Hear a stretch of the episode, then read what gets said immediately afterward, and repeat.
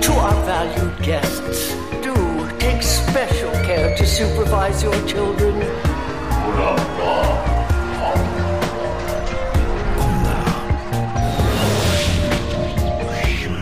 Het is weer ochtend in Pretparkland. Goedemorgen pretparkland en welkom bij je ochtend op de Pretpark Podcast. Mijn naam is Erwin Taans en Dennis Jans en ik hebben het vandaag over Walt Disney World.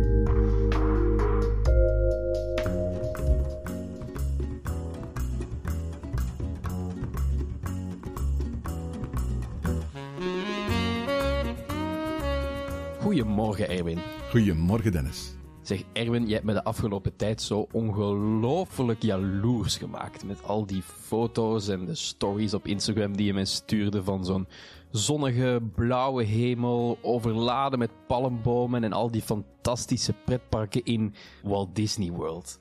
Ja, ik moet eerlijk zeggen, ik vind het eigenlijk wel heel erg tof om, om in januari, februari naar Walt Disney World te gaan.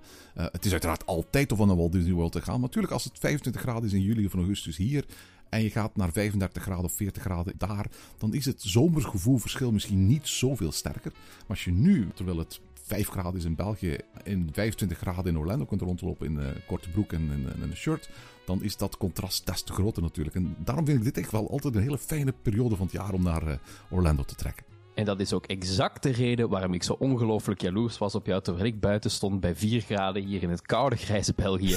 Zat jij daar heerlijk in dat zonnetje, in de warmte, waar het zoveel beter was dan hier. Ik heb nog heel even geprobeerd om in een warme jacuzzi te zitten, om het toch een beetje het verschil te voelen. En toen dacht ik, ja, ik ben heel jaloers, ik had hier ook willen zijn momenteel. het was heel erg tof. Niet alleen om naar Orlando te gaan, naar Walt Disney World te gaan, dat is natuurlijk altijd fijn. Maar vooral om, voor mij, om, om na twee jaar eindelijk weer eens terug te zijn en eindelijk weer eens een transatlantische vlucht te maken. Ik ben, natuurlijk de afgelopen twee jaar wel eens op reis geweest, maar nooit echt groot of verre reis. Dus voor mij was ook, ook dat aspect uh, minstens zo tof aan deze reis naar Walt Disney World. Ja, en ik doe het niet meer zo graag, maar ik moet misschien even de luisteraars mee terugnemen naar vorig jaar.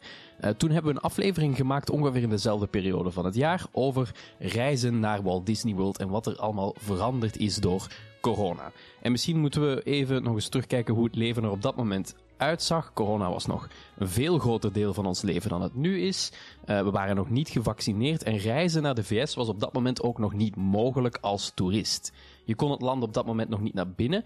En we waren toch al stiekem een klein beetje aan het vooruitkijken naar wanneer we dan wel gevaccineerd zouden zijn en wanneer die grenzen wel open zouden zijn.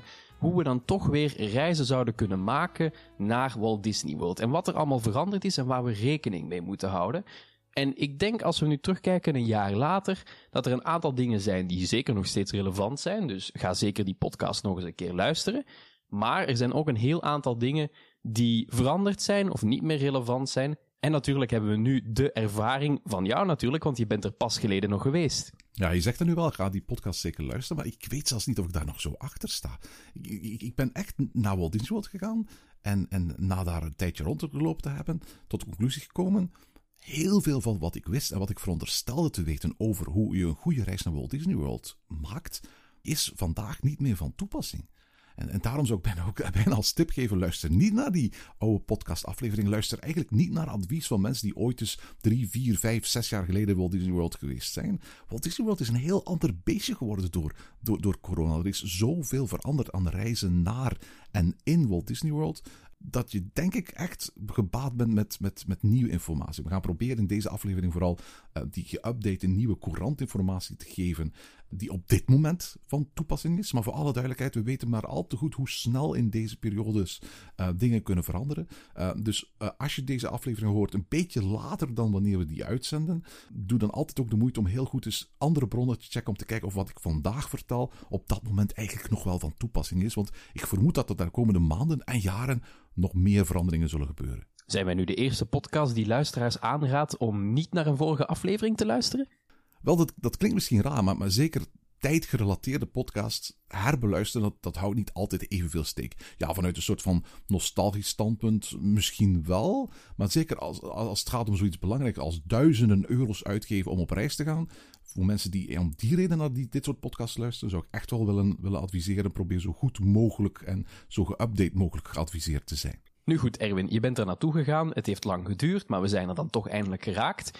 Maar je moet daar geraken natuurlijk. En dat kan uh, helaas nog niet zomaar met je eigen roeibootje. Je moet gaan vliegen. Hoe is dat in zijn werk gegaan? Ja, luisteraars van onze Grabbelton-aflevering begin dit jaar weten dat ik op dat moment, samen met Jelle trouwens, een beetje angstig uitkeek naar onze vertrekdatum. Uh, zowel Jelle als ik moesten op dat moment vliegen. Jelle naar Portugal, ik dus naar Orlando. En voor beide bestemmingen was een, negatieve COVID-test nodig. En uiteraard, op dat moment in, januari zaten zo'n beetje de hoogtijdagen van de Omicron-golf.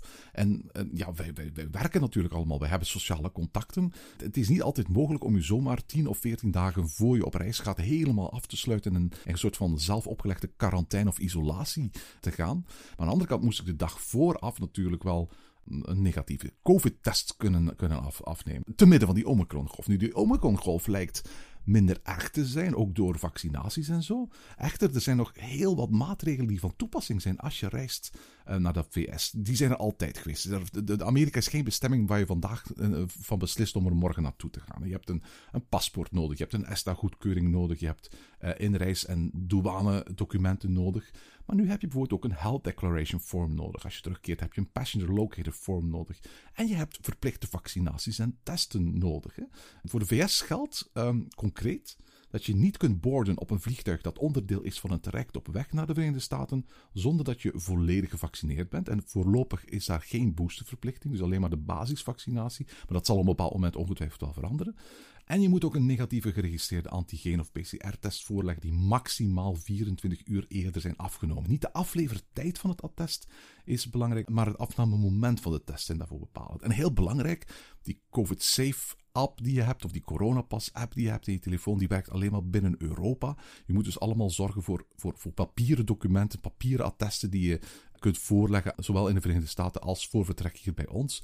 Want uiteraard met een QR-code zijn ze daar in de Verenigde Staten niks. En zulke maatregelen zijn er natuurlijk ook om terug te vliegen naar Europa.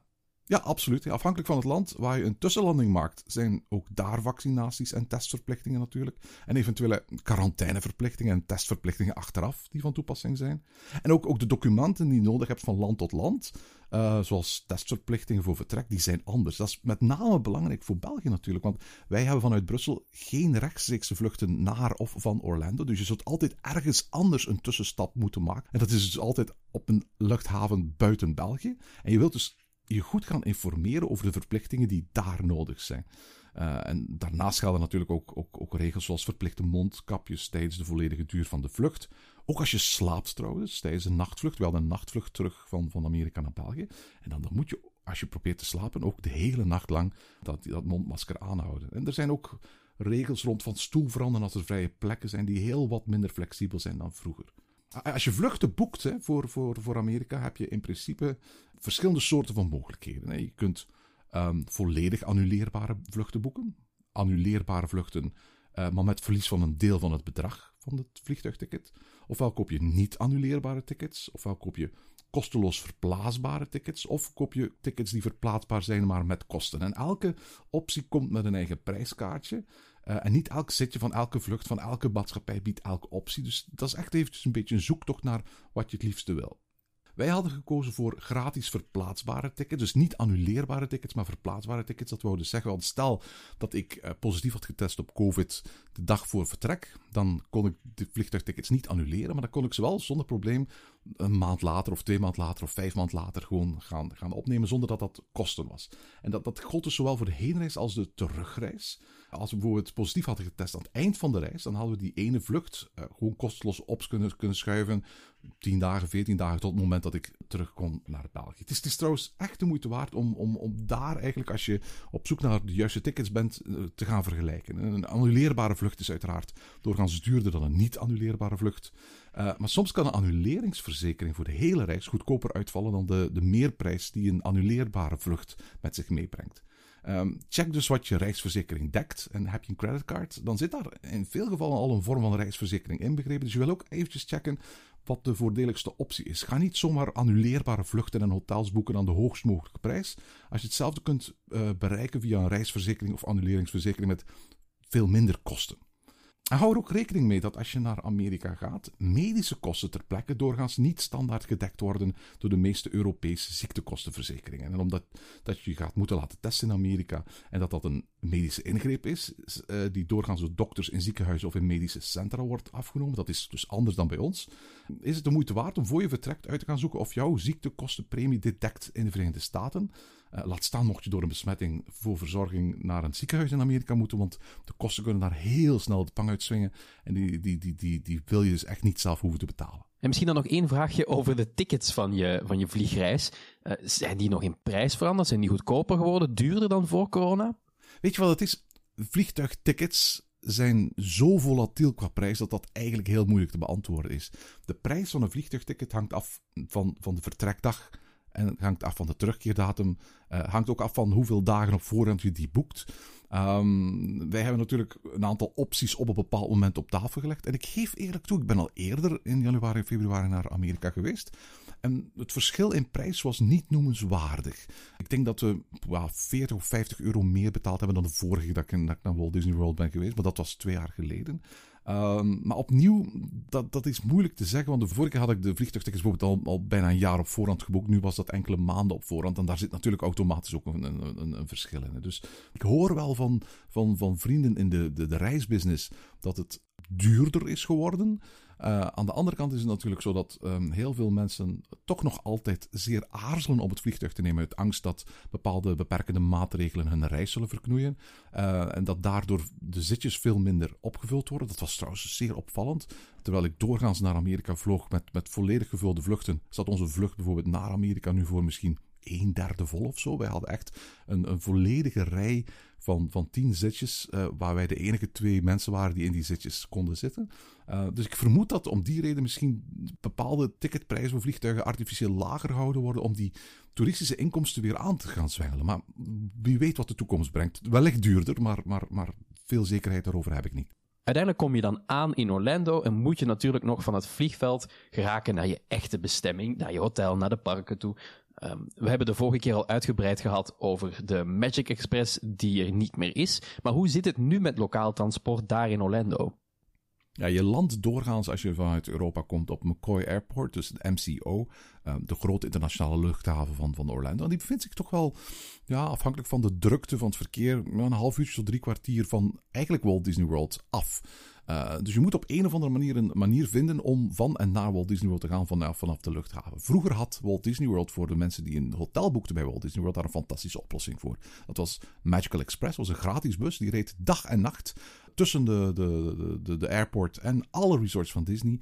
Als je gewoon met je boeking uh, je aanmeldde aan het loket van Magical Express, gaf je een, een, een, ticket. En daarmee kon je eigenlijk automatisch de bus nemen naar Walt Disney World. En het, het bijzonder was dat ze jouw bagage eigenlijk gewoon apart namen. En ze meteen zorgden dat die op je kamer terecht kwam. Je hoefde daar eigenlijk helemaal geen zorgen meer om te maken. Een van de grote beslissingen die Disney afgelopen jaar heeft gemaakt, is om die busdienst af te schaffen. Dat lijkt mij een, een, een, een eh, beslissing met reisveranderende impact voor heel veel bezoekers. En we gaan nog moeten zien hoe dat afloopt. Dat is natuurlijk een beetje een voorafname op iets wat er in de toekomst komt. Want eh, op dit moment worden de voorbereidingen getroffen voor een rechtstreekse treinverbinding tussen uh, McCoy Airport, dus MCO, en Walt Disney World, waarbij de trein zou stoppen in, in Disney Springs die zal er volgend jaar en het jaar erop nog niet zijn. Maar dat zal ergens wel tegen 2030 op een bepaald moment geopend worden. En op dat moment uh, hebben ze dan natuurlijk dat helemaal niet meer nodig. Zo'n Magical Express dienst. Maar voorlopig ben je dus eigenlijk gewoon aangewezen om zelf op zoek te gaan naar vervoersmogelijkheden om naar Walt Disney World te geraken. Dat kan uiteraard met diensten zoals Lyft en Uber. Je kunt het appje, als je het nog niet geïnstalleerd zou hebben, gewoon vooraf op je, op je telefoon installeren en dat gaan gebruiken. Je kunt uiteraard een taxi nemen, uh, of je kunt doen wat wij gedaan hebben, dat is een auto huren. Uh, voor ons was, zat er eigenlijk overigens, mocht This is Magical Express er nog geweest zijn, die optie niet in. Maar we sliepen deze keer niet in een hotel van Walt Disney World. Had ook weer te maken met het feit dat we, mocht het zo geweest zijn dat een van ons positief testen onze reis wilde kunnen annuleren. En Walt Disney World laat niet toe om op minder dan één dag voor vertrek je reis kosteloos te annuleren. Het hotel dat wij gevonden hadden was net buiten, eigenlijk nog altijd in, in Reedy Creek Property, maar net buiten de eigenlijke grenzen van Walt Disney World. Dat hotel liet ons wel toe om letterlijk de kamer uh, volledig kosteloos te annuleren. Maar daardoor zaten we niet in Walt Disney World en zouden we ook niet gebruik gemaakt kunnen hebben van, van uh, Disney's Magical Express. Uh, Mears, het transportbedrijf dat eigenlijk Magical Express een opdracht van Disney uitvoerde, heeft ondertussen ook een betalende andere optie voorzien. En je hebt dus nu een Mears Airport Transport Shuttle. Dus eigenlijk de gelijkaardige bus zoals ze vroeger hadden met Magical Express. Die je op voorhand kunt boeken. En die min of meer dezelfde diensten aanbiedt als Magical Express. Maar dan tegen betaling. En ik geloof dat je voor 30 euro per persoon, vooral duidelijkheid, nu heen en terug naar Walt Disney World kunt. Maar goed, die optie zat er voor ons niet in, want we, sliepen niet in een hotel van Walt Disney World. Um, dus we hebben gewoon een auto gehuurd en dat betekent gewoon de luchthaven uitwandelen, de warmte van Florida over je heen uh, voelen vallen en daarna echt letterlijk gewoon aan de overkant van de straat naar um, Alamo wandelen en daar de, de, de, de, auto afhalen die we hier in België gereserveerd hadden. Uh, huurauto's zijn overigens wel in korte tijd heel erg duur geworden. Dat viel ons op. Het was heel moeilijk om, om huurauto's te huren aan de aantrekkelijke prijzen die, waar we ze een aantal jaren geleden voor uh, konden krijgen.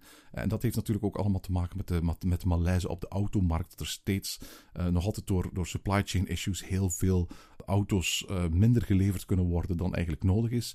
En dat de auto's die geleverd worden uiteraard eerst naar bedrijven en particulieren gaan en pas later naar uh, verhuurbedrijven. En we zagen ook echt wel dat, dat, er, dat er veel minder auto's op de airport stonden te wachten dan pakweg twee of drie jaar geleden het geval was. Laten we het misschien eerst even hebben over de hotels van Disney zelf. Je hebt er nu niet geslapen, maar je hebt er wel een heel aantal gezien. Is eigenlijk al alles weer open na die hele pandemie? Ja, de meeste hotels zijn intussen uh, geopend, maar het is wel zo dat er uh, behoorlijk wat um, vleugels van hotels op dit moment nog niet gebruikt worden. Bijvoorbeeld de goedkoopste hotels van, van, um, van Walt Disney World, de All-Star Resorts. Daar zijn een aantal All-Star Resorts nog steeds niet geopend. Uh, en dat gebeurt stapsgewijs. Dus met, men, men werkt nog altijd aan beperkte capaciteit. Dat geldt tot op de dag vandaag ook nog altijd voor de parken zelf. Ook daar is de capaciteit op dit moment nog altijd rond de 70% van de totale capaciteit. Meer bezoekers laat Disney voorlopig nog niet uh, toe.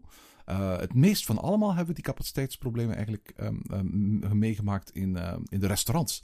Uh, de eerste dag bijvoorbeeld gingen we eten in, in, Whispering Canyon, een restaurant waar we echt moeite voor hadden moeten doen om reservaties te krijgen. En waar er die dag ook geen reservaties meer voor beschikbaar waren. Maar toen we eenmaal binnen waren in Whispering Canyon, merkten we dat van de pakweg 100 tafels die er stonden, er in totaal een ja, 10, 15 tal bezet waren.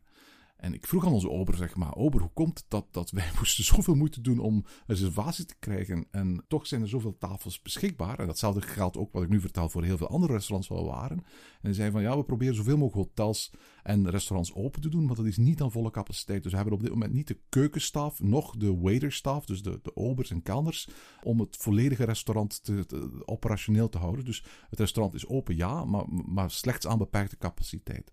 En dat is een verhaaltje trouwens dat eigenlijk doorheen de reis steeds weer terugkeerde. Um, je merkte dat uh, heel, wel, heel wat attracties minder castmembers hadden als medewerkers. Je merkt dat her en daar nou, eettentjes, kleinere horecapuntjes gesloten waren, winkeltjes gesloten waren. En dat tegelijkertijd ook heel veel castmembers werden, werden uh, opgeleid en ingewerkt. Dat kun je herkennen aan die speciale nametag met dat rode vlaggetje eronder, dat vaandeltje eronder. Disney is er alles aan het doen om het enorme personeelstekort die ze hebben en die gecreëerd is door de pandemie en door de vele ontslagen die daartoe gevallen zijn, om dat terug op te vullen. Maar ze zijn er nog lang niet. En misschien dan een vraag die, die ook gaat over de hotels buiten Walt Disney World. Ik neem aan dat als Walt Disney World zijn hotel al niet zomaar kan vullen, dat ook in de, de wereld buiten Disney ook een heel aantal hotels zitten met halfgevulde kamers en halfgevulde restaurants. Merk je dat bijvoorbeeld ook in de prijs die je daarvoor betaalt? Is dat, is dat ook veranderd? Ja, absoluut. Terwijl Disney uh, zelden iets van de prijs af gaat doen natuurlijk. Ze willen een bepaalde standaard zetten. Is het wel zo dat als je uh, eigenlijk nu gaat kijken naar de hotels buiten Walt Disney World, dat er echt deals te doen zijn. Ik denk dat het heel lang geleden is geweest dat ik nog zo weinig betaald heb voor een hotelkamer met alles erop en eraan in wat uiteindelijk een luxe resort was. Met alles erop en eraan. Met, met, met, zwembad, spa, restaurants, ontbijt inbegrepen en echt een luxe ontbijtbuffet, et cetera. En voor die prijs kun je in Walt Disney World zelfs niet in het goedkoopste hotel overnachten. Dit staat ver onder wat je betaalt voor een, een, een, een, overnachting in, in een Europa Park of een Disneyland Parijs bij ons. Maar ook qua, qua niveau, het was een gloednieuw hotel van drie jaar oud of zo. Uh, zat het er ver boven. Dus daar zijn echt wel deals te doen door die malaise waar die industrie zich op dit moment uh, in bevindt. Mag ik dat misschien ook wel zeggen? We gaan het er zo dadelijk nog meer over hebben. Maar ook als je bij Walt Disney World slaapt, zijn er een heel aantal voordelen die je vroeger als hotelgast had veranderd of verdwenen. Is het misschien dan ook zo dat door deze hele situatie het een stuk aantrekkelijker is geworden om juist buiten Disney te gaan slapen? Wel, het is natuurlijk wel zo dat, dat de Disney-hotels op zich in hun eigen identiteit natuurlijk wel uh, een bepaald Disney-aspect bijdragen dat eigenlijk los van de praktische voordelen op zich ook wel heel veel bijdraagt tot de beleving van je reis. Je bevindt je in de Disney-bubbel. Uh, je kunt van en naar de parken uh, volledig met monorails, boten, skyliners, zonder dat je ooit een auto hoeft te huren. Alle resorts hebben Disney-winkels, Disney-aankleding, Disney-restaurants. Anderzijds is het natuurlijk wel zo dat je vroeger een aantal voordelen had die nu zijn weggevallen. Uh, een, bijvoorbeeld niet onaanzienlijk voor is dat je vroeger voor alle andere bezoekers fastpass kon reserveren. Uh, dat is op dit moment een voordeel dat volledig weggevallen is. En dat geldt voor heel veel meer dingen. We gaan daar zo meteen wel, wel wat meer over vertellen. Vanuit puur het voordeelperspectief, als je kijkt naar wat je kreeg voor de prijs vroeger, wat je krijgt voor de prijs nu, is het misschien zo dat een resort buiten, het, buiten Walt Disney World vandaag de dag aantrekkelijker is dan pakweg twee, drie jaar geleden. Maar ik geloof nog altijd dat de uitstralingen, de sfeer en de identiteit van de Walt Disney World voldoende sterk zijn om wat dat betreft eigenlijk een meerwaarde te hebben tussen tussen de resorts die buiten Walt Disney World zich bevinden. Ik geef ook eerlijk toe, um, de afgelopen jaren sliep ik altijd in Walt Disney World. Dit was voor de eerste keer dat ik terug buiten Walt Disney World was. En het deed toch elke avond een heel klein beetje pijn om onder die grote boog van Walt Disney World te moeten rijden. Weg van Walt Disney World en daar het grote See You Real Soon uh, teken uh, te zien. En dan eigenlijk gewoon te midden van uh, ja, shops en shopping malls en, en, en Five Guys en, en Burger Kings en donut places te moeten zoeken naar de plaats waar je waar je hotel was. Dat is wel heel anders in Walt Disney World. Goed, we zijn weer een stapje verder. We zijn aangekomen bij ons hotel. We kunnen een nachtje slapen, want dat is ook wel handig als je natuurlijk zo'n lange vlucht hebt gehad. Maar dan ga je natuurlijk ook naar de parken toe. Het belangrijkste, denk ik wel, van Walt Disney World. We hebben het de vorige keer uitgebreid gehad over tickets, abonnementen, reserveringen. Um, door corona zijn er bij heel veel parken, ook bij ons in de buurt natuurlijk, heel wat veranderingen geweest. Uh, mensen moeten reserveren voor een park, er is een beperkte capaciteit. Maar ondertussen zijn we een stukje verder en is daar denk ik ook wel heel veel veranderd. Hoe zit het nu als je tickets wilt kopen als Europeaan of zelfs misschien een abonnement wilt kopen voor het park? Ja, heel interessant is dat, omdat je dat net over abonnementen had, de abonnementverkoop, zowel in Disneyland als in Walt Disney World, nagenoeg volledig is, is stilgezet op dit moment. Um, dat is sowieso iets waar we in een toekomstige aflevering nog in Pretparkland over moeten hebben. Namelijk, wat is precies de intrinsieke waarde van van, van, van een abonnement voor parken? En wat zijn de voor- en nadelen van het, van het aanbieden van abonnementen voor parken? We weten dat Europa Park zijn, zijn abonnementsformule volledig wil herzien. En we zien dat parken die hun abonnementen in, de, in midden van corona levend hielden, denk maar aan Disneyland Parijs en, de Efteling, vaak tegen allerlei klachten rond de niet reserveerbare uh, dagen uh, aanliepen. Uh, om dat een beetje te vermijden heeft Walt Disney World nu de verkoop van zijn abonnementen stilgezet. Of, het, of het gros van zijn abonnementen moet ik eigenlijk zeggen. Um, maar dat is misschien voer om het eens een groter open te trekken. En het is echt in een toekomstige aflevering nog een te hebben over, over abonnementen. Uh, de tickets zijn, zijn bij Disney ook veranderd. Ja, ze zijn iets duurder geworden. Maar goed, dat is wat je van Disney en wat je van een wereld met een enorme inflatie natuurlijk verwacht.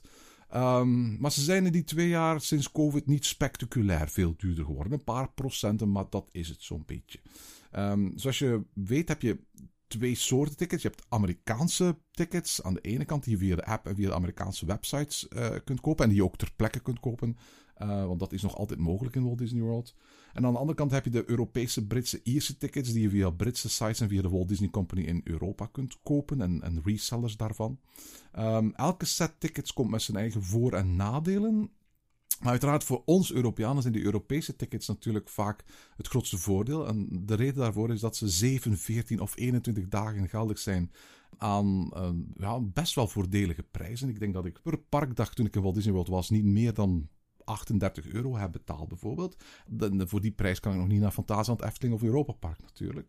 Het zijn zogenaamde ultimate tickets. En dat is natuurlijk omdat Europeanen nu eenmaal doorgaans niet voor een weekendje naar Walt Disney World gaan. Die tickets stonden vroeger alleen op jaar. Dus je kocht in 2018 of 2019 of 2020 gewoon zo'n ultimate ticket van Walt Disney World via de website, de Europese website van Walt Disney World.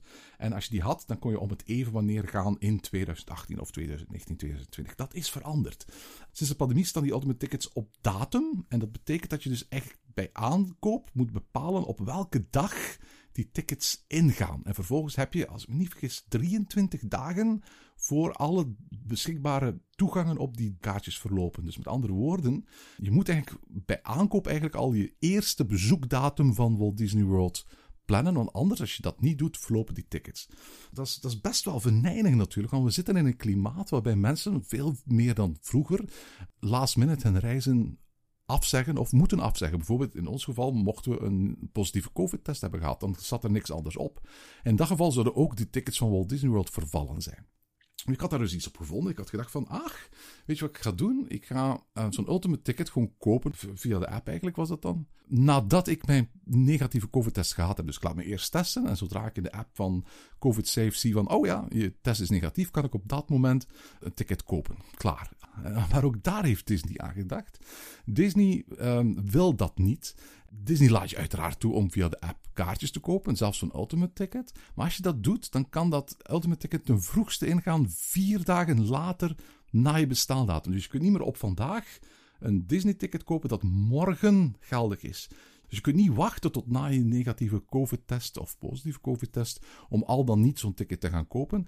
Wie dat doet, voor die persoon zit er niks anders op dan echt voor de eerste dagen eigenlijk letterlijk de, kaartjes aan de hoogst mogelijke prijs kopen aan de ingangen van de park. En dan heb ik over prijzen van 150 euro per kaartje of niks. Dus Disney straft je een beetje voor het feit dat je eigenlijk uh, hun spelletje wat wil doorgronden en daarop kunt uh, anticiperen. En daarnaast moet je natuurlijk ook nog steeds reserveren om die parken binnen te komen. Hoe werkt dat? Ja, inderdaad. Je kunt niet zomaar meer opstaan en je afvragen: wat gaan we lekker doen vandaag? Hè? Disney vereist, zoals ook parken bij ons. Ik bedoel, Disney is daar niet anders in uh, dan, dan, dan, dan de Efteling of dan Disneyland Parijs of zo. Dat je je parkbezoek op voorhand reserveert. En daarvoor hebben ze nu het Park Reservation System. Elke dag zijn een aantal plekken, ik zeg nu een aantal plekken, alsof het gaat om 10 of 20 plekken, maar het gaat natuurlijk om duizenden plekken, hè, beschikbaar voor elk park. En uh, ze wijzen die toe op basis van openingsuren, beschikbaarheid van personeel. En, en dan kun je ofwel als resortgast, ofwel als betalende daggast, ofwel als abonnementhouder een park reserveren. Ik was er samen met iemand die een abonnementhouder was van Walt Disney World. Die zijn abonnement nog gekocht had uh, in het van vorig jaar. Op het moment dat um, je wel nog abonnementen kon kopen voor Walt Disney World. En het is duidelijk dat abonnementhouders bij Walt Disney World aan het kortste eind trokken. Er was duidelijk minder beschikbaarheid in reservaties voor abonnementhouders. Terwijl op bepaalde dagen ik zelf zonder probleem een park kon reserveren, bleek dat park voor abonnementhouders niet beschikbaar te zijn. Zelfs al was het eigenlijk helemaal niet zo druk. En bovendien konden die abonnementhouders maar vijf bezoeken op voorhand inplannen, terwijl ik dat voor elke dag dat ik geldige kaartjes had al kon.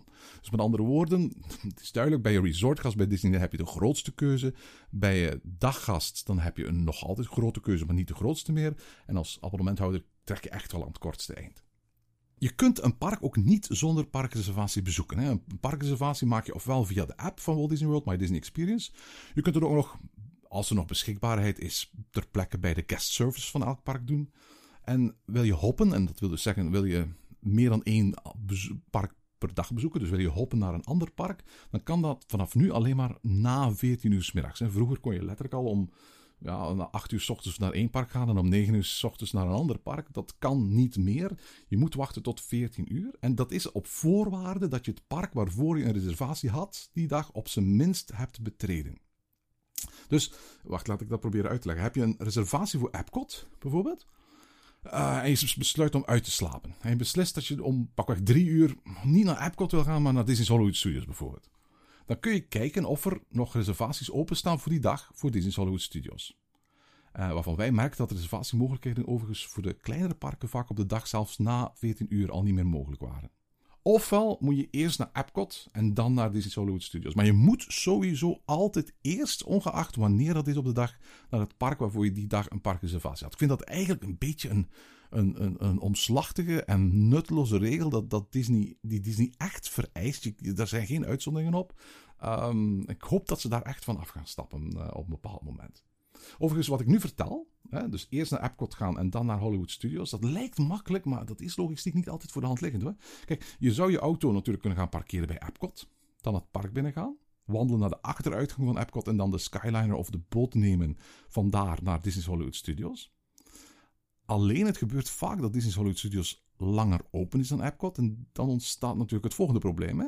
Stel je blijft tot sluitingstijd in Disney's Hollywood Studios en neemt dan de boot terug naar Epcot dan kun je daar wel uitstappen en wandelen naar een van de Epcot resorts.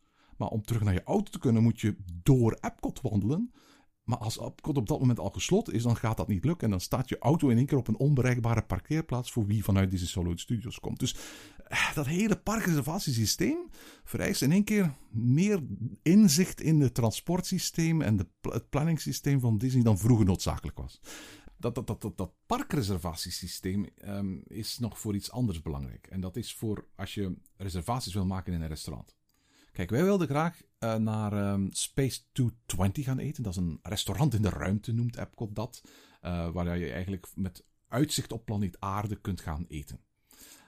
Alleen dat is zo'n gewilde reservatie, dat restaurant, dat ongeveer vijf minuten nadat de reservaties opengesteld worden elke dag, dat restaurant is volgeboekt. Restaurants worden opgesteld 60 dagen voor opening, eh, elke dag om 11.45 uur. Dus dat wil zeggen dat je vandaag kunt boeken vanaf 11.45 uur voor alle restaurants in Walt Disney World over 60 dagen.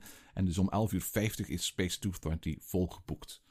Dus de kans is groot dat je een reservatie voor zo'n restaurant zult maken nog voor je een parkreservatie zult hebben. Of omgekeerd, dat je een parkreservatie zult hebben, maar nog geen restaurantreservaties. En het is dus nog belangrijker dan vroeger dat je dus een gedetailleerde planning maakt met wanneer je welke parken wil gaan bezoeken en wanneer je welke restaurants aan wil gaan doen. Want die twee moeten natuurlijk ook matchen met elkaar. Je, je, je bent verplicht om een parkreservatie te hebben voor Epcot op dezelfde dag als dat je je restaurantreservatie voor Space 220 wil hebben. Je hebt een parkreservatie voor Magic Kingdom nodig op dezelfde dag dat je bij BR Guest wil gaan eten. Eigenlijk is zo'n vakantie nog meer plannen geworden door dat parkreservatiesysteem dan voorheen. Nu, Disney heeft dat parkreservatiesysteem geïntroduceerd onder de noemer dat het een, een maatregel was die ze voor, voor, voor COVID en tijdens de pandemie wilden uh, uh, invoeren naarmate de, de pandemie zijn einde aan het naderen is, of tenminste endemisch aan het worden is, dat, dat virus, hoop ik en verwacht ik dat die parkreservatieverplichting er misschien wel eens uitgaat. Ik denk dat van, van alle nieuwe maatregelen die Disney heeft ingevoerd, ik dat, dat parkreservatiesysteem als, als grootste blok aan het been beschouw, eerlijk gezegd. En hoe zit het dan met de maatregelen die je nog moet volgen in het park? Is er nog afstand? Zijn er nog mondmaskers die je moet dragen en zo? Ja, dat is een goede vraag. Florida, vooral de duidelijkheid, is een DeSantis-staat. Met andere woorden, zwaar republikeins. Uh, en ontkent dus bij wijze van spreken zo'n beetje dat uh, COVID bestaat. Uh, dat wil zeggen eigenlijk dat als je niet in Walt Disney World bent of niet op de luchthaven, je weinig of niks van COVID merkt. Er worden geen COVID-tests verkocht in de supermarkten. Uh, er is geen mask mandate in indoor plekken. Er staan her en der wel bordje, bordjes dat men niet gevaccineerde mensen aanraadt om een masker te dragen. Maar als je gevaccineerd bent of als je er niets om geeft, dan is er geen verplichting. Dus ik ben gewoon naar, naar de supermarkt geweest zonder mondmasker. Terwijl ook niemand anders in de supermarkt mondmasker droeg eigenlijk als je buiten Walt Disney World, of buiten de parken moet ik eigenlijk zeggen, want doorgaans zijn al die parken, de regels daar wel een beetje op elkaar afgestemd, dan is het bijna alsof je een, een pre-pandemisch bezoek uh, meemaakt. Uh, er is absoluut nergens afstandsverplichting, uh, ook niet in de parken. Het enige wat er nog is in, in de parken is nog altijd beperkte capaciteit. Uh, tegen wil en dank denk ik dat dat voor een groot stuk is. Uh, ten tweede, uh, er is nog altijd een maskerverplichting in alle indoorplekken. Die wordt verbazend goed opgevolgd. En castmembers zijn ook behoorlijk streng. Uh, in wachtrijen zie je her en daar castmembers staan die mensen erop wijzen hun mandmasker volledig over kin, mond en neus te doen. Dat zijn, dat zijn de drie aspecten waar men bij Disney steeds op hamert. Het is niet alleen neus en mond, het is ook de kin. Dat, werd eigenlijk al wel vrij goed, vrij goed nageleefd. Dus ben je binnen, uiteraard niet in restaurants en, lounges, maar als je bijvoorbeeld in een indoor wachtrij staat, dan moet je nog altijd een mondmasker dragen.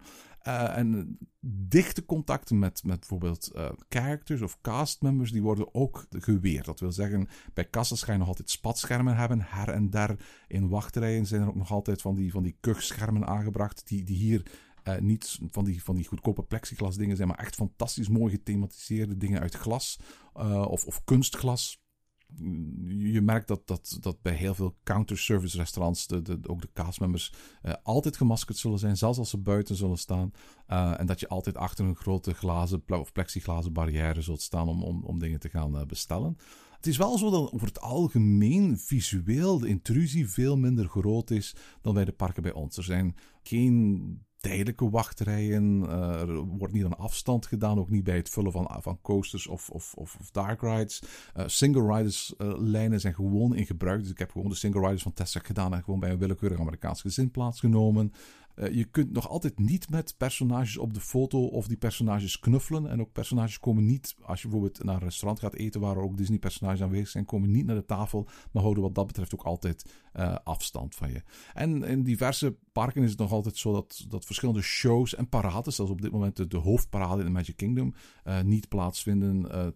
enerzijds om COVID-redenen en anderzijds om redenen van, van personeelsgebrek. En ware shows zijn, ik zeg maar iets, de Beauty and the Beast musical in, in, in Disney's Hollywood Studios, die doorgaans eindigt met een omhelzing en een kus van Beauty and Beast. Daar kijken ze elkaar van op gepaste anderhalve meter verliefd aan, maar ze springen elkaar niet in de armen bijvoorbeeld. Dus daar merk je nog altijd dat, dat, dat corona wel degelijk aanwezig is. En je zei al iets natuurlijk over parades en shows. Er zijn volgens mij wel een aantal dingen die terug zijn gekeerd. Want ik heb bijvoorbeeld ook wel wat vuurwerk zien verschijnen op de foto's en de filmpjes die je me hebt doorgestuurd. Ja, absoluut. In twee van de vier parken zijn op dit moment de avondshows terug. Dat is in Epcot en Magic Kingdom. Ze zijn nog niet terug in Animal Kingdom en uh, ze zijn ook nog niet terug in, in uh, Disney's Hollywood Studios. Alhoewel het wel al zo is dat ondertussen Disney heeft aangekondigd dat de, Fantasmic, dus de slotshow ook met vuurwerk en fonteinen en characters uh, in Disney's Hollywood Studios, in de loop van de lente en wellicht in de loop van maart of april weer terug zal keren. Dus langzaam maar zeker zie je die dingen terugkeren. Ook, ook Festival of Fantasy, de parade in Magic Kingdom, komt geloof ik in maart terug. En langzaam maar zeker um, heropenen al die shows, al die spektakels, al die avondspektakels terug. In deze Hollywood Studios was er wel een vuurwerk van, van Star Wars en een um, projection mapping show op uh, Chinese Theater. Uh, maar, maar de grote eind, het grote eindspektakel, dus um, Fantasmic, dat was er nog niet. Oké, okay, Erwin, misschien moeten we toch wel even de geest uit de fles gaan halen en dan wel vrij letterlijk. Want een van de grootste veranderingen, denk ik, vooral voor mensen die vaker naar Walt Disney World zijn geweest, is het verdwijnen van de Fastpass en de introductie van Genie Plus. Misschien kun je eerst eens uitleggen hoe werkt Genie Plus nu eigenlijk? Ja, kijk, eigenlijk heb je vandaag vijf manieren om naar een park te gaan in Walt Disney World. Manier 1 je doet maar wat. Zonder planning. Je wandelt binnen en je, uh, je ziet iets en je zegt van, oh, dat lijkt me leuk. Ik doe het. Uh, de standaard manier waarop een ongeïnformeerde persoon of een, een, een uh, gezin met, met hele jonge kinderen een pretpark bezoekt. Manier 2, je laat je leiden door Genie. En Genie is een, een, een functie van de My Disney Experience app. Het is geen aparte app, maar het zit dus in de app van Walt Disney World zelf waarbij je informatie krijgt over welke attracties op welk moment de minste wachtrij hebben. Dus het is een gratis dienst. Um, en je kunt eigenlijk gewoon via een tipboard gaan kijken van kijk, dit zijn de wachttijden van alle attracties in Walt Disney World tot nu toe. Bijvoorbeeld in het park waar ik op dit moment ben, zeg maar Magic Kingdom. En dan krijg je niet alleen uh, een overzichtje van, van uh, de wachttijden van alle attracties. Dat doen alle parken. Je krijgt bij elke attractie ook een advies van dit is een ideaal moment om daar naartoe te gaan. Of, of ik zou nog eventjes wachten. De wachtrijen straks worden minder. Dat krijg je ook aan de hand van een heel mooi grafiekje. Een, een functionaliteit die ook eh, de Efteling wil uit gaan rollen binnenkort. Maar tegelijkertijd kun je ook aan Disney gaan zeggen via die Genie-functie: Alright, op basis van al die artificial intelligence waar jullie over beschikken, al die data die jullie hebben, um, ik ga eens een aantal attracties geven waar ik heel graag in zou willen gaan maak eens een ideale dag voor mij. En dan gaat Disney eigenlijk voor jou een dag uitstippelen en zeggen van begin nu daar, ga vervolgens naar die attractie, ga daar ergens gaan eten. En op die manier kun je eigenlijk Genie gebruiken op een gratis manier zo optimaal mogelijk. Althans, dat is wat Disney marketing je probeert te vertellen, Walt Disney World te gaan bezoeken. Derde mogelijkheid, dat is Genie Plus. Uh, want voor alle duidelijkheid, Genie laat je zo optimaal mogelijk, althans volgens Disney, de parken bezoeken. Maar je moet nog altijd in de wachtrij, wachtrij staan. Maar uiteraard, vroeger was Fastpass een manier om, om die wachtrij juist over te slaan. Dus eigenlijk is Genie niet zomaar een vervanging van die Fastpass. Uh, dus hebben ze ook Genie Plus. En Genie Plus is eigenlijk het oude Fastpass systeem gecombineerd met, met, met Genie. Dat je dus toelaat om niet alleen een zo geoptimaliseerd mogelijk bezoek te brengen aan, aan het park. Maar tegelijkertijd om als er ergens een wachtrij staat, die wachtrij over te slaan door die te reserveren voor een later moment op je dag. Dat heet Genie Plus en kost geld. 15 dollar per persoon in je gezelschap per dag. Daarnaast is het ook zo dat in elk park er nog twee attracties zijn um, die niet vallen onder dat Genie Plus systeem, waar een losse dagprijs voor gevraagd, wordt voor gevraagd. Dat, dat, dat kan 11 dollar zijn, dat kan 25 dollar zijn. Dat heeft te maken met de drukte in het park en met de vraag die er op dat moment voor die attractie is. En dat zijn eigenlijk de twee topattracties uh, van elk park. Naarmate er nieuwe attracties toegevoegd worden, gaan dus die attracties regelmatig veranderen. Een vierde manier is dat je gebruik maakt van Touring Plans. Touring Plans is een dienst aan een app uh, van Lentesta. En uh, wat dat betreft eigenlijk, voor mij betreft, eigenlijk een onafscheidelijke compagnon op heel veel van mijn reizen door Walt Disney World. Dat is een app die eigenlijk informatie over wachtrijen gaat crowdsourcen. En dan de, de, duizenden mensen die zich elke dag in Walt Disney World bevinden, die ook een abonnement hebben op Touring Plans, gaat vragen om eigenlijk de app op zak te houden en data in te geven over hoe lang ze gewacht hebben. Dat kan voor een groot stuk ook geautomatiseerd. En met die gecrowdsourced informatie kun je dus up-to-date informatie krijgen over wat de werkelijke wachttijden zijn bij de attracties. En of dat op dat moment een goed moment is om in die attractie te gaan of niet. Dat is een, dat is een, dat is een vierde manier. En een vijfde manier, die hebben wij ook regelmatig eens gebruikt, is gewoon je laten leiden door algemene kennis van het park. Omdat je erin verdiept hebt of gewoon omdat je er al vaak geweest bent. En als je bijvoorbeeld weet dat de rijen bij Seven Dwarfs Mine Train in de loop van de dag doorgaan steeds langer worden. Maar dat de rijen bij Space Mountain in de loop van de dag steeds, altijd maar steeds korter. Dus dat het verstandiger is om uh, Seven Dwarfs Mine Train in de voormiddag te doen en Space Mountain in de namiddag te doen dan omgekeerd. En eigenlijk hebben wij uh, een combinatie van al die systemen gebruikt om Walt Disney World te gaan bezoeken. Tegelijkertijd, een van de voordelen die hotelgasten vroeger hadden, is dat er zo extra magical hours werden georganiseerd. Zoals ook bijvoorbeeld in Disneyland Parijs. Je mag dan eerder het park in, of in Walt Disney World ook later in het park blijven, op geselecteerde parken op geselecteerde dagen. Maar dat systeem is nu veranderd. Nu mag je in alle parken een half uurtje eerder naar binnen als hotelgast ik neem aan dat dat ook wel een heel erg grote impact heeft op je dag als hotelgast, maar ook tegelijkertijd als je niet hotelgast bent, aangezien dat natuurlijk al een heel aantal mensen eerder dat park binnen kunnen. Hoe werkt dat nu in die parken? Ja, het is heel goed dat je dat op dit moment vraagt, want het heeft ook een impact op het gebruik van Genie en of Genie Plus in de parken. Dus dan moeten we straks weer eventjes een, een, een, een naar terug gaan koppelen. Wat, wat, wat heel belangrijk is, is, is, is te stressen hoe enorm Walt Disney World is. Het is heel gemakkelijk gezegd. Hè. Hotelgasten mogen een half uurtje eerder het park in of mogen een uurtje e- later in het park blijven. Uh, als je een Efteling bent of als je Disneyland Parijs bent. Maar als Walt Disney World dat zegt, dan moet je wel beseffen dat Walt Disney World op dit moment beschikt over 36.000 hotelkamers, waar elke nacht tot 125.000 gasten kunnen overnachten.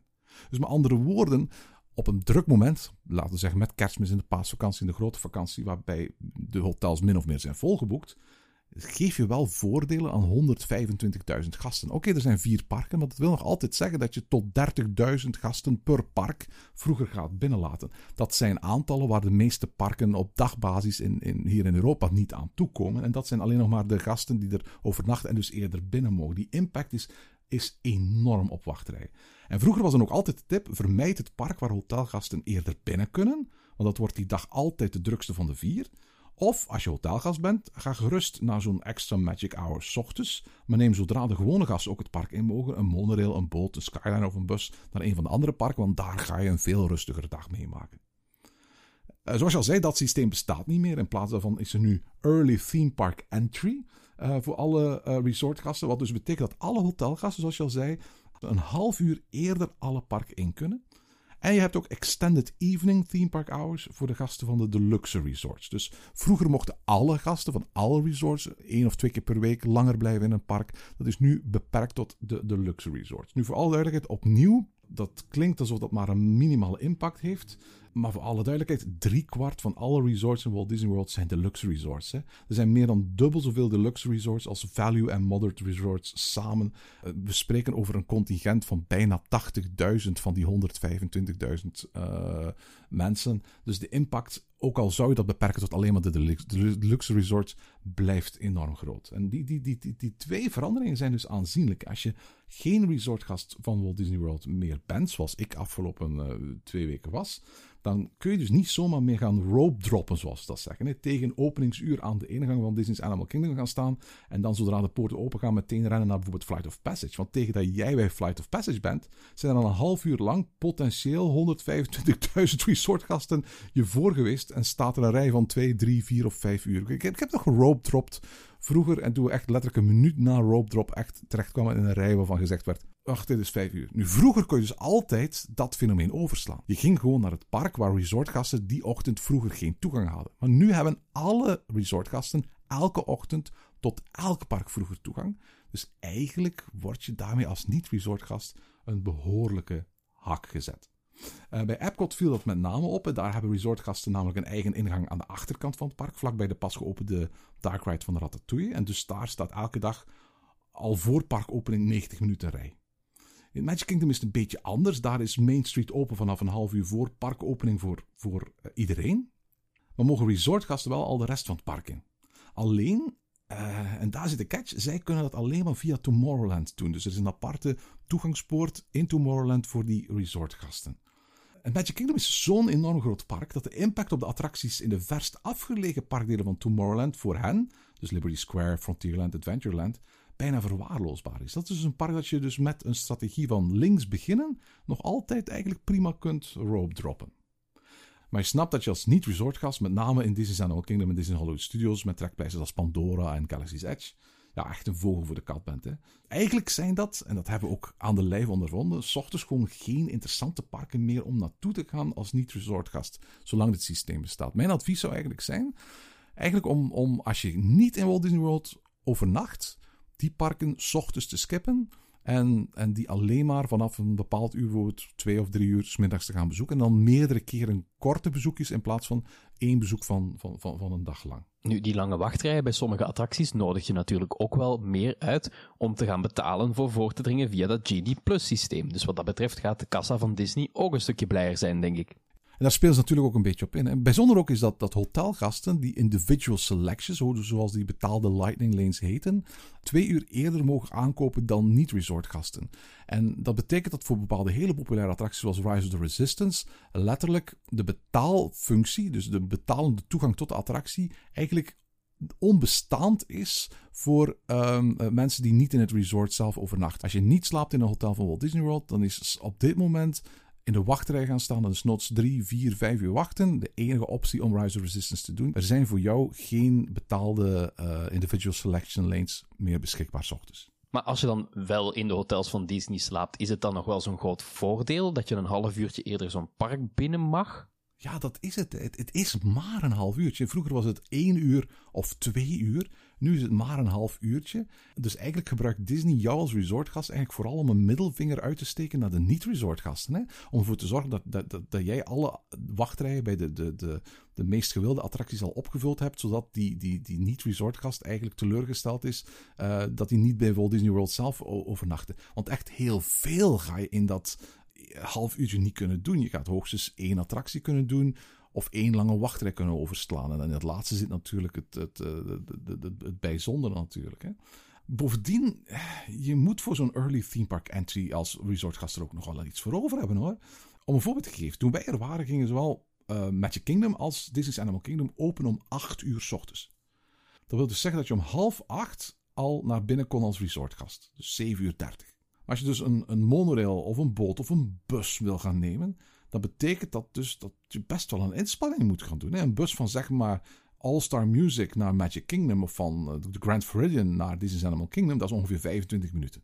Bussen vertrekken ongeveer om de 20 minuten, dus om tegen half acht ochtends zeker aan het Magic Kingdom te zijn, wil dat dus zeggen dat je bij All Star Music tussen half zeven en kwart voor zeven zeker aan de bushalte van je hotel moet staan. Wat dus wil zeggen dat je de wekker gaat moeten zetten om pakken half zes à zes uur, afhankelijk van hoe, met hoeveel mensen je op je kamer bent. Dat is een behoorlijke inspanning voor wat eigenlijk vakantie hoort te zijn. Hè? En eigenlijk wat natuurlijk ook een voordeel zou moeten zijn. Ik bedoel, ik slaap ook wel graag uit op een vakantiedag. Ja, en als je eigenlijk ten volle van dat voordeel als resortgast wil genieten, dan zit dat er niet in. Nu, de laatste tijd was er onder de fans van Disney heel veel te doen natuurlijk over het betaalde vorderingen binnen Genie Plus. Uh, jij hebt ook, zei je al, via al die manieren wel eens een keertje geproefd van hoe het nu precies werkt. Maar wat vind je er nu eigenlijk van en hoe, hoe werkt het voor jou? Wat zijn voor jou de voordelen en de nadelen van dat systeem? Los van het systeem zelf, daar ga ik het zo meteen over hebben, moet ik wel toegeven dat er één groot nadeel is. En dat heeft eigenlijk niet zozeer met, met, met Genie of Genie Plus te maken, maar, maar, maar met iets anders. Je besteedt wel heel erg veel tijd op je smartphone voor een, wat eigenlijk gewoon een dagje pretpark moet zijn. Want los van parkreservaties en, en uh, het feit dat vandaag de dag ook als je geen Magic Band hebt, wat je niet meer standaard gratis krijgt als je een resort boekt en al helemaal niet als je niet op een uh, resort hotel slaapt, je ook je, je smartphone gebruikt om het park binnen te kunnen of om attracties waar je reservatie voor gemaakt hebt binnen te kunnen. Is ook zo dat Disney overal gebruik maakt bij de kleinste kioskjes van, van, van mobile ordering. Sterker nog, er zijn heel wat quick service restaurants eh, waar je, waar je alleen maar via mobile ordering, dus via een bestelling die je doet via je telefoon, nog kunt gaan eten. Heb jij geen smartphone bij, dan vallen die opties weg. Ga je ergens uh, naar een tafelbedieningsrestaurant, dan ontvang je ongeveer een kwartiertje voor je reservatie een uh, mobile check-in systeem. Dat wil zeggen dat je eigenlijk de mogelijkheid krijgt om de wachtrij aan het restaurant over te slaan. Je geeft aan of er bepaalde allergieën in je gezelschap zijn, of bepaalde, hoe je gezelschap eruit ziet. Want je hebt doorgaans bijvoorbeeld voor vier mensen gereserveerd. Maar je kunt dan gaan zeggen van, we zitten met twee vegetariërs, twee niet-vegetariërs, of twee kinderen en twee volwassenen, et cetera. Je kunt ook tegelijkertijd het de menu eh, gaan raadplegen. Overigens zijn er geen papieren menus meer in de restaurants, maar is alles via een QR-code. En dan komt er nog die Genie Plus bij. En dat betekent dat Disney tijdens je bezoek eigenlijk voortdurend de aandacht aan het zoeken is van jou via notificaties op je smartwatch en op je telefoon. Van doe dit, doe dat. Oh, je hebt straks een reservatie daarvoor. Dit is een ideaal moment om dit te gaan bezoeken. Je bent wel heel erg veel bezig met je, met je telefoon.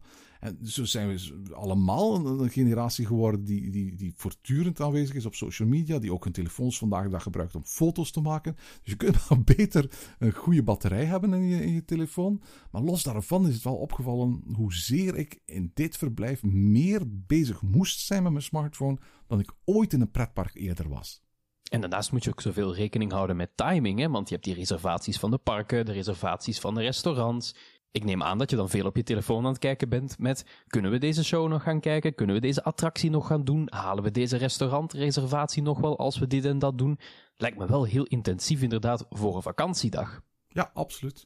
En vandaar dat ik, eerlijk toegeef dat de dagen waar ik geen gebruik gemaakt heb van appjes, de dagen waar ik geen touring plans of Genie of Genie Plus heb gebruikt of iets dergelijks, uh, waar ik eigenlijk gewoon vooral genoten heb, ook de dagen zijn die ik het fijnst vond in ons verblijf. Nu snap ik dat dat een bepaalde luxe is die ik heb, omdat ik al zo vaak in Walt Disney World geweest ben. Die, die mensen die één keer naar Walt Disney World gaan en er zoveel mogelijk uit hun dag willen halen, niet hebben. Ik snap ook wel dat je niet kunt zeggen van, uh, als je maar één keer naar Magic Kingdom gaat van, oh dan gaan we eens twee keer uitgebreid op restaurant en we gaan eens ergens een lounge, een cocktail gaan drinken. En god ja, dan hoeven we niet per se alle attracties gedaan te hebben.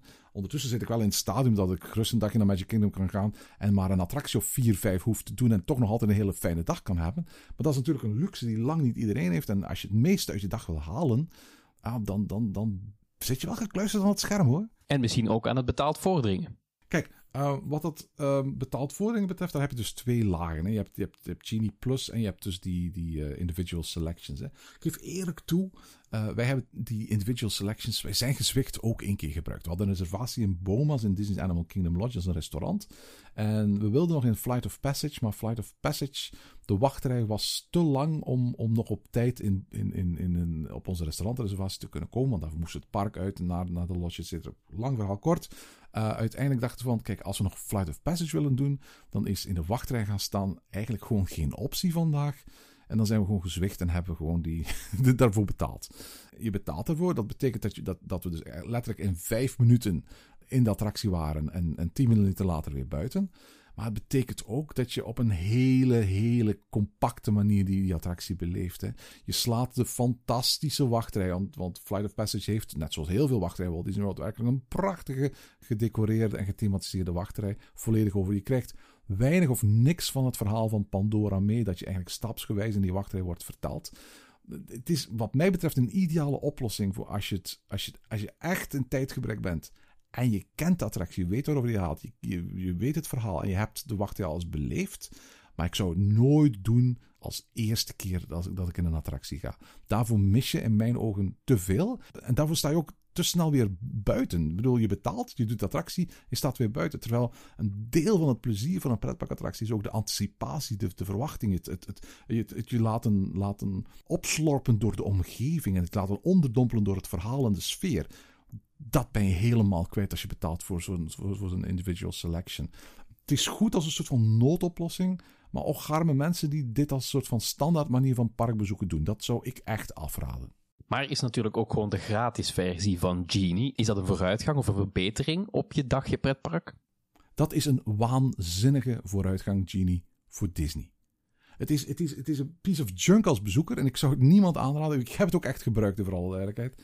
Maar wat Genie eigenlijk is, is een, is een distributiecentrum voor bezoekers. Het is een manier dat Disney heeft om zijn bezoekers zo optimaal te verspreiden over het hele park. Het betekent dat je een aantal voorkeuren ingeeft. Op basis daarvan gebruikt die artificiële intelligentie om je meest ideale dag uit te stippelen. Maar dat is natuurlijk niet waar. Dat is wat de meest ideale dag is voor Disney. En Disney doet het op zo'n manier dat eigenlijk bezoekers zo evenredig mogelijk over, nagelang de capaciteit natuurlijk, over alle attracties worden verspreid. Om op die manier de attracties zo, zo, zo wachttijden zo laag mogelijk te houden. Dat betekent op zich hè, bijna een soort van, van, van, van ja, communistisch evenwicht. Uh, op voorwaarde dat iedereen zich daaraan houdt. Maar dat betekent dat voor jou als individuele gebruiker jij een heel mooie selectie kunt krijgen die heel goed uitkomt, maar, maar ook een hele slechte selectie. Voor alle duidelijkheid, het aantal keer dat ik Genie heb gebruikt in, in dus de gratis versie, en dat de eerste attractie die ze me aanraden de Tiki Room was, een attractie waar je nooit voor hoeft te wachten, en wat echt de zonde is, omdat in het eerste uur van je, van je, van je, van je dag, waar elders lange wachtrijen staan, werd aanbevolen, dat, dat, dat, dat, is, dat is gewoon een ozel. En ik, ik denk dat, dat, dat de meeste pretparkkenners, die zelfs een hele oppervlakkige kennis hebben van het aanbod van de parken in Walt Disney World, uh, in staat zijn om eigenlijk een strategisch betere planning te maken dan elk voorstel dat ik van, van Genie zelf heb gehad. Genie is uitstekend voor Disney. Maar Genie is absoluut niet goed voor de bezoekers. En nog garme die onwetende bezoeker die eigenlijk zijn dag laat uh, regeren door, door die gratis app, omdat hij toevallig een foldertje van heeft opgepikt in zijn hotelkamer. Ik zeg niet dat het niet werkt, hè. Het, maar de toepassing is niet in het voordeel van de bezoeker. Nu, langs de andere kant, er is ook wel enorm veel veranderd. Ook dankzij die betalende ja, vorderingpasjes, waar vroeger natuurlijk dat hele gratis fastpass systeem was, wat enorm in omvang was. En waarbij ook een, een heel andere verhouding was tussen de gewone wachtrij en de fastpass wachtrij. Zie je daar nu veranderingen in? Gaat die gewone wachtrij sneller dan vroeger? Nee, de veranderingen zijn eigenlijk relatief gering. En dat heeft gewoon te maken met het feit Ehm, dat, dat, dat uh, Disney eigenlijk een soort all-in systeem verkoopt. Is het zo dat in Disneyland Parijs uh, je voor alle attracties gewoon losse, uh, wat ze daar noemen, Premier Access pasjes kunt kopen? Is het zo dat zodra je die 15 dollar betaalt voor Genie Plus, dan zie je wel dat Disney letterlijk er alles aan doet om, om de volledige capaciteit per uur die ze hebben uit het oude Fastpass systeem te verkopen eigenlijk in de vorm van Genie Plus. ik denk dat wat dat betreft de impact van het Premier Access systeem in Disneyland Parijs, waar je letterlijk voor elke attractie apart moet betalen, veel groter is. En het Genie Plus systeem dan, waar je dan wel voor moet betalen? Maar als je voor Genie Plus betaalt, krijg je eigenlijk gewoon het oude Fastpass systeem van vroeger terug. Met al zijn voordelen, al zijn nadelen. Steek je graag voor, dan zit daar absolute winst in. Er zijn wel een paar belangrijke dingetjes die je daar moet gebruiken. Het lijkt mij uit persoonlijk gebruik dat Genie Plus vooral interessant is als je een park kunt gaan rope droppen. En dat betekent dus als je s ochtends vroeg eigenlijk al naar een park kunt, kunt, gaan. Als je pas later in een park komt, ik zeg maar iets, je arriveert bijvoorbeeld pas om 11 uur of om 12 uur in, in Animal Kingdom, dan heeft zoiets als Genie Plus totaal geen zin. Want op het moment dat je om 11 uur gaat komen, als je dan kijkt naar welke beschikbaarheid van Fastpass je zult hebben, dan ga je bijvoorbeeld zeggen van oh, mijn eerste Kilimanjaro Safari attractie, die is bijvoorbeeld beschikbaar om, om drie uur middags. Je mag maar in tegenstelling tot, tot, tot het vorige systeem, Fastpass Plus met My Disney Experience, daar mocht je drie Fastpassen tegelijkertijd hebben. Nu mag je er maar één meer hebben. Je fastpass window in het vorige systeem was 1 uur. Nu is het fastpass window, waar, waartegen je dus een nieuwe reservatie kunt krijgen, 2 uur geworden. Dat betekent dat als je om 11 uur binnenkomt en je eerste beschikbare lightning lane voor een attractie is bijvoorbeeld pas om 3 uur, dan kun je tussen 11 uur en 3 uur geen enkele andere attractie meer gaan voorsteken. En pas van zodra je om 3 uur Kilimanjaro Safaris gedaan hebt, officieel van zodra je in de rij je, je, je lightning lane hebt afgetikt, kun je weer gaan reserveren. Maar opnieuw, dat is maar één reservatie in de komende twee uur. Dus je snapt dat je eigenlijk, als je, als je niet ochtends vroeg arriveert in een park, maar heel weinig uit Genie Plus kunt halen. Dat was ook onze ervaring. Genie Plus rendeert vooral in parken met veel attracties, waar Genie Plus op van toepassing is, en in parken waar je eigenlijk de hele dag kunt doorbrengen. En ik, ik, geloof ook een beetje dat dat is wat Disney vooral wil. Niet alleen met Genie Plus, maar ook bijvoorbeeld met uh, het afschaffen van de mogelijkheid om s ochtends vroeg al te hoppen. Eigenlijk zou het mij niet verbazen mocht Disney op een bepaald moment het hoppen naar andere parken bijvoorbeeld alleen maar voor resortgasten uh, openstellen. Of misschien zelfs helemaal afschaffen. Want eigenlijk willen ze voor hun eigen gemak, voor hun, voor hun eigen supply chain, voor hun eigen personeelssysteem, dat mensen zoveel mogelijk naar één park gaan en de hele dag in dat ene park blijven. Genie Plus heeft zijn voordelen. Je moet er natuurlijk wel voor betalen. Maar het is een absoluut minder goed systeem dan, dan MaxPass in Disneyland in Anaheim was.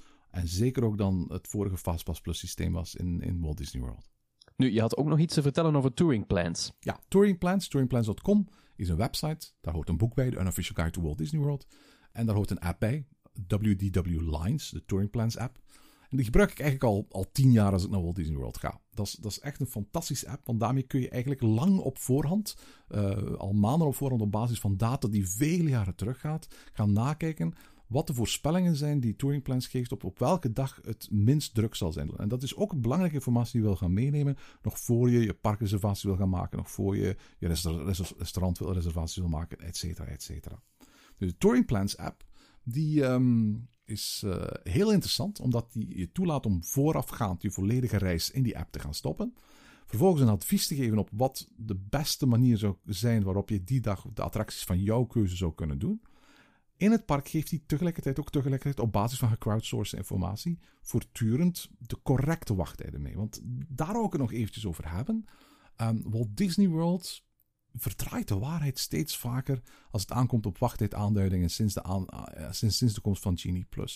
Althans, zoals mijn beleving. Het was altijd zo dat Disney de wachttijden, zoals die aangegeven stonden bij de attracties in de app, dat die langer waren dan ze werkelijk waren under promise, over deliver. Je kunt maar beter bij wijze van spreken mensen zeggen dat ze 40 minuten in de wachtrij moeten staan en dan 30 minuten laten wachten, dat ze langer moeten wachten dan dat er aangekondigd stond. Ik vind dat een, een policy die ook parken in Europa dringend mogen gaan gebruiken. Maar nu zagen we dat dat, dat dat systeem nog vele keren verder werd ingevoerd. Het gebeurde heel erg vaak dat de aangeduide wachttijd aan de attractie en in de app minstens dubbel zo lang was als de werkelijke wachttijd van de attractie. Dat er 85 minuten stond om Tower of Terror te doen. En dat je in 35 minuten doorheen heel Tower of Terror was. Aan de ene kant heeft dat uiteraard weer met dat under promise over deliver principe te, te, maken. Aan de andere kant heeft het natuurlijk te maken met het feit dat naarmate je die wachtrijen om, om, omhoog duwt, kun je natuurlijk veel meer Genie Plus verkopen natuurlijk. Tegelijkertijd, voor de mensen die Genie Plus gekocht hebben, is het ook altijd een soort van ja, satisfying feeling om, om te merken dat je bijvoorbeeld op vijf minuten een wachtrij overslaat, waarvan er een aanduiding stond van twee uur of zo. Dus Disney heeft er eigenlijk alle belang bij om niet heel erg eerlijk te zijn wat de, de lengte van de wachtrij betreft. Ah, als ik naar touringplans kijk, dan is het zo als je een abonnement hebt op touringplans, dan krijg je behalve de officiële tijdsaanduiding bij elke attractie ook de gecrowdsourced wachttijd. En ik moet eerlijk toegeven, wij hebben ons eigenlijk ons doorheen onze hele reis bijna 95% van de tijd puur gebaseerd op de Touringplans app. En voor al duidelijkheid, ik kan niet anders dan mensen aanraden om als je naar Walt Disney World gaat, om, om eh, gebruik te maken van de Touring Plans app. Om een serieus en, en juist idee te krijgen van wat je gaat wachten. En op basis daarvan te beslissen of je gaat voor een, een, een uh, individual selection of voor een Genie Plus uh, option bovenop de Genie in je app. Want vaak gaat het niet nodig zijn. En vaak kun je gewoon door op een verstandige manier gebruik te maken van de werkelijke wachttijden eigenlijk een veel toffere dag hebben. Ik vind dat niet fijn hoor, eerlijk gezegd, het gevoel om zo voorgelogen te worden door een bedrijf waar ik uiteindelijk al zoveel geld aan, aan, aan eh, gegeven heb. Ik geloof dat je gasten een goede service kunt, kunt, kunt bezorgen en een fantastische ervaring kunt bezorgen, zonder dat je eigenlijk hen hoeft voor te liegen over, over bijvoorbeeld hoe lang de wachttijden voor een bepaalde attractie zullen zijn. Dat dat eenmalig eens fout loopt of twee keer fout loopt, dat, daar heb ik alle begrip voor. Maar als je de, de Touring Plans app bekijkt, dan zie je dat toch wel echt dag op dag in elk park op een systematische manier gebeurt. En dat voelde niet oké. Tegelijkertijd is voor al onze luisteraars een, een, hele grote tip om ga je naar Walt Disney World. We hebben Talentast wel eens geïnterviewd, maar ik heb geen aandelen in Touring Plans. Neem zo'n abonnementje op, op Touring Plans. Het kost uh, minder dan een Genie Plus dagje kost en je gaat er zoveel meer uithalen. Zeg Erwin, we zijn nu toch alweer heel lang aan het praten over dat Walt Disney World. Uiteindelijk moeten we het nog over heel veel andere dingen hebben. Er zijn nieuwe attracties bijgekomen in die periode dat wij niet daar naartoe konden. Het resort bestaat dit jaar 50 jaar. Er zijn heel veel bijzondere dingen. Daar moeten we het later nog maar eens een keertje over hebben in een andere aflevering. Absoluut. Maar misschien wil ik je de belangrijkste vraag nog wel stellen van deze podcast. Um, en een vraag die ik je ook een jaar geleden heb gesteld. Hoe is het nu om die resorts te bezoeken? En natuurlijk ook, is het nog wel leuk om daar naartoe te gaan? En misschien voor mij en voor sommige andere luisteraars van Ochtend in Pretparkland wel belangrijk. Wil je het nog wel doen als het je eerste bezoek is naar Walt Disney World? Ja, absoluut. Het was heerlijk. Het was, ik, heb me, ik heb me zot geamuseerd. Het was zo tof om terug in Florida te zijn, om terug in Orlando te zijn, om terug in Walt Disney World te zijn, om terug Cinderella Castle te zien, om terug Flight of Passage te doen, om Rise of the Resistance en Galaxy's Edge mee te maken.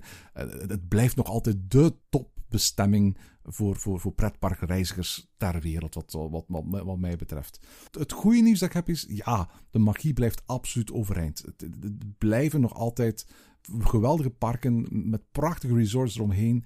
Waar je geweldige attracties kunt doen, waar je, waar je fantastisch entertainment kunt meemaken, waar je lekker kunt eten, gezellig kunt drinken.